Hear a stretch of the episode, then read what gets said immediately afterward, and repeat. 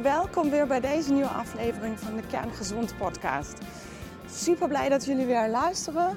Ik, ehm, ja, ik ben weer aan het wandelen en ehm, ik ben op weg naar de supermarkt nu even. En eh, ik neem vaak, ja, ik plan wat extra tijd in altijd, omdat ik graag lopend naar de winkel wil gaan. Zover is het niet, dus van ons ja, ik denk 10 minuutjes lopen. En dat doe ik het liefst dus echt, uh, ja, het liefst loop ik. Ik wil de auto gewoon niet pakken, ook al staat hij voor de deur. En uh, moet ik dan sjouwen als ik terugloop. Maar ik vind het gewoon echt zo belangrijk om even te bewegen, even frisse lucht te happen. En dat combineer ik dan gewoon met de winkel. Zo is het eigenlijk. Dus eigenlijk ga ik wandelen en op weg terug ga ik ook nog even boodschappen doen af en toe als ik dan terugloop met mijn tassen, dan zijn er buren die, uh, dan, ja, die me zien en even stoppen met de auto en vragen of ze me mee kunnen nemen. En, uh, maar ze had het super lief, bedankt. Maar ik vind het juist zo fijn dat ik kan lopen. Dus uh, ja, ik ben nu ook dus met een lege tas onderweg. Lekker in een stukje bos bij het park vlakbij. Fantastisch.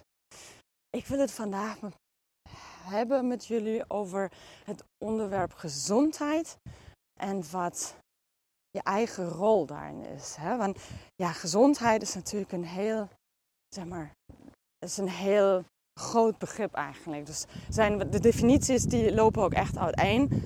De meeste mensen zouden nu waarschijnlijk zeggen dat gezondheid is als je geen klachten hebt of als je niet ziek bent.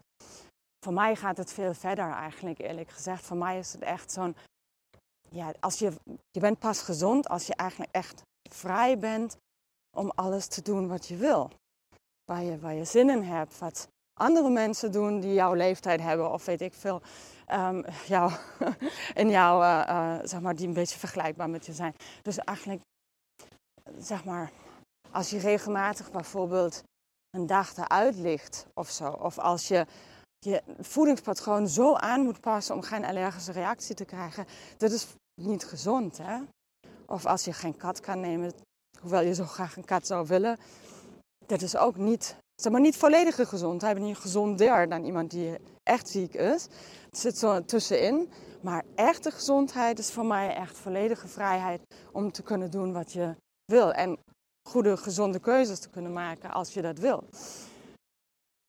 En wat voor mij ook, zeg maar, wat voor mij echt belangrijk daarbij is, is om mensen mee te geven, en daarom heb ik het ook daarover vandaag, mensen mee te geven dat ze zelf de verantwoordelijkheid moeten pakken daarvoor, voor hun gezondheid. Daar begint het allemaal mee. Hè? Het, is, het overkomt je niet. Op dit moment voelt het alsof het je overkomt. Maar ik vind het echt ontzettend belangrijk om even daarbij stil te staan en de een of ander misschien aan te zetten om daarover na te denken. Het overkomt je dus niet echt allemaal. Je hebt een, en dat, dat, dat overkomt je soort van wel, bij de geboorte krijg je een blauwdruk mee. En die blauwdruk, of zeg maar, zo, zo kijk ik daar tegenaan. Hè? En zo werk ik met mijn klanten in mijn praktijk. Je krijgt een blauwdruk mee, dus een soort van bepaalt voor je als je gezondheidstoestand achteruit gaat, wat voor klachten je dan krijgt. Dus vaak zeggen mensen, ja, maar dit en dat heb ik, want dat is erfelijk. Ja, dat is je blauwdruk, die heb je meegekregen van je, weet ik veel, ouders waarschijnlijk of grootouders. Dat is je blauwdruk met je klachtenpatroon, zeg maar, waar je reageert als je gezondheidstoestand slechter wordt. En soms gebeuren er dingen die je gezondheidstoestand sneller achteruit laten gaan. En soms duurt het gewoon heel erg lang. Tot, of, of, soms word je ook helemaal niet zo ziek. Soms krijg je die klachten van je ouders of uh, voorouders gewoon niet, omdat je gezondheidstoestand stabiel blijft. Maar Alleen omdat je blauwdruk een op een bepaalde manier eruit ziet, hoeft dat nog lang niet te betekenen dat je al die klachten dan hebt of dat je die krijgt en daar nooit meer van afkomt. Dus dat is echt je eigen verantwoordelijkheid hoe je gezondheidslevel, zeg maar, je, de sterkte van jouw uh, systeem, hoe die in elkaar zit. En als jij het van elkaar krijgt om je gezondheid dusdanig te verbeteren dat je lijf weer de energie krijgt om, om klachten op te lossen, dan kan je daar weer van afkomen. Het is niet iets waar je, ja, waar je mee moet leven. Ook al hoor je dat waarschijnlijk overal, ja, ja, je ouders hebben dat al, dus natuurlijk heb je dat ook.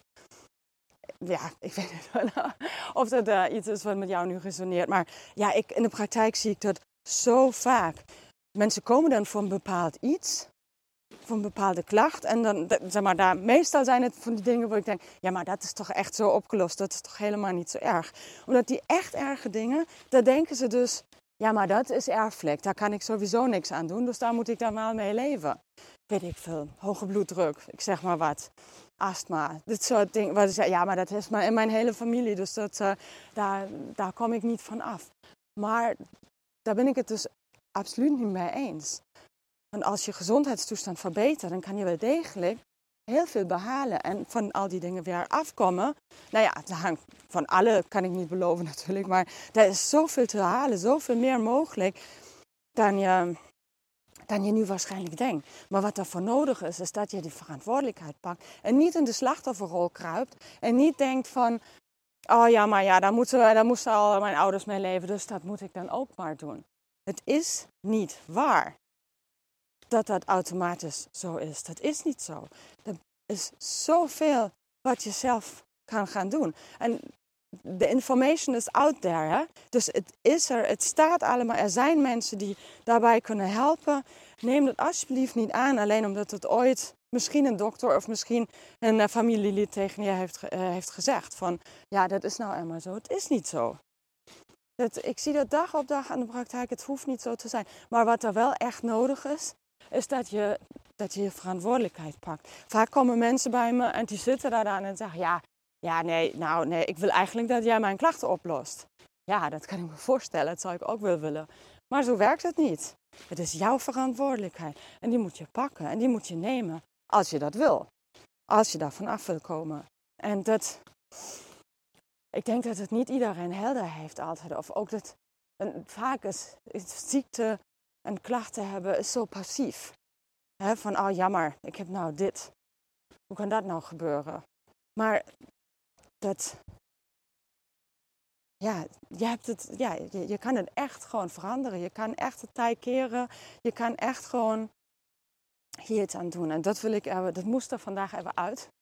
En uh, ja, dat wil ik jullie even meegeven om over na te denken. En heb je zo'n klacht? Heb je zoiets waar je denkt, ach, daar heeft al iedereen in mijn uh, familie last van gehad. Dus dat gaat nooit meer weg. Heb je dat? En dan kunnen we even. Zijn waarschijnlijk ook andere mensen heel erg benieuwd naar.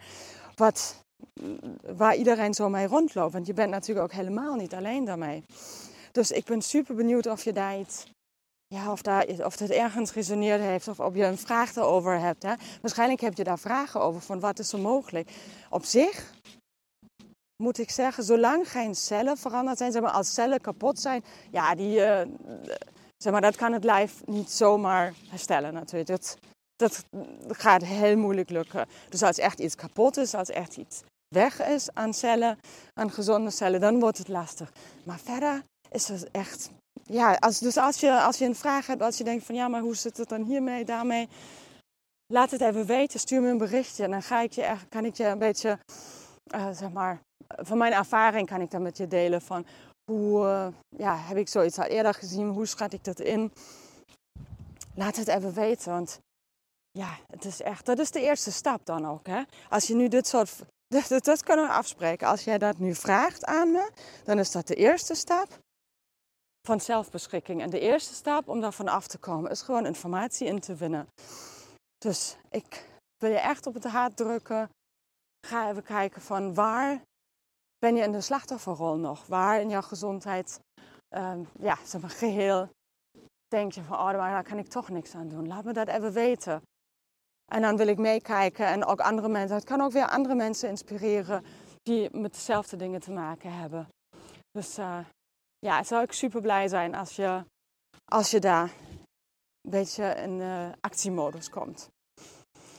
Goed, dan loop ik verder nu naar de winkel. en dan hebben we straks nog een uh, feestje bij buren, heel veel zin in. Maar dan heb ik tenminste alvast lekker gelopen. En dan kan ik daar ook veel rustiger zitten. Oké, ik wens je nog een hele fijne dag. En uh, ja, tot gauw!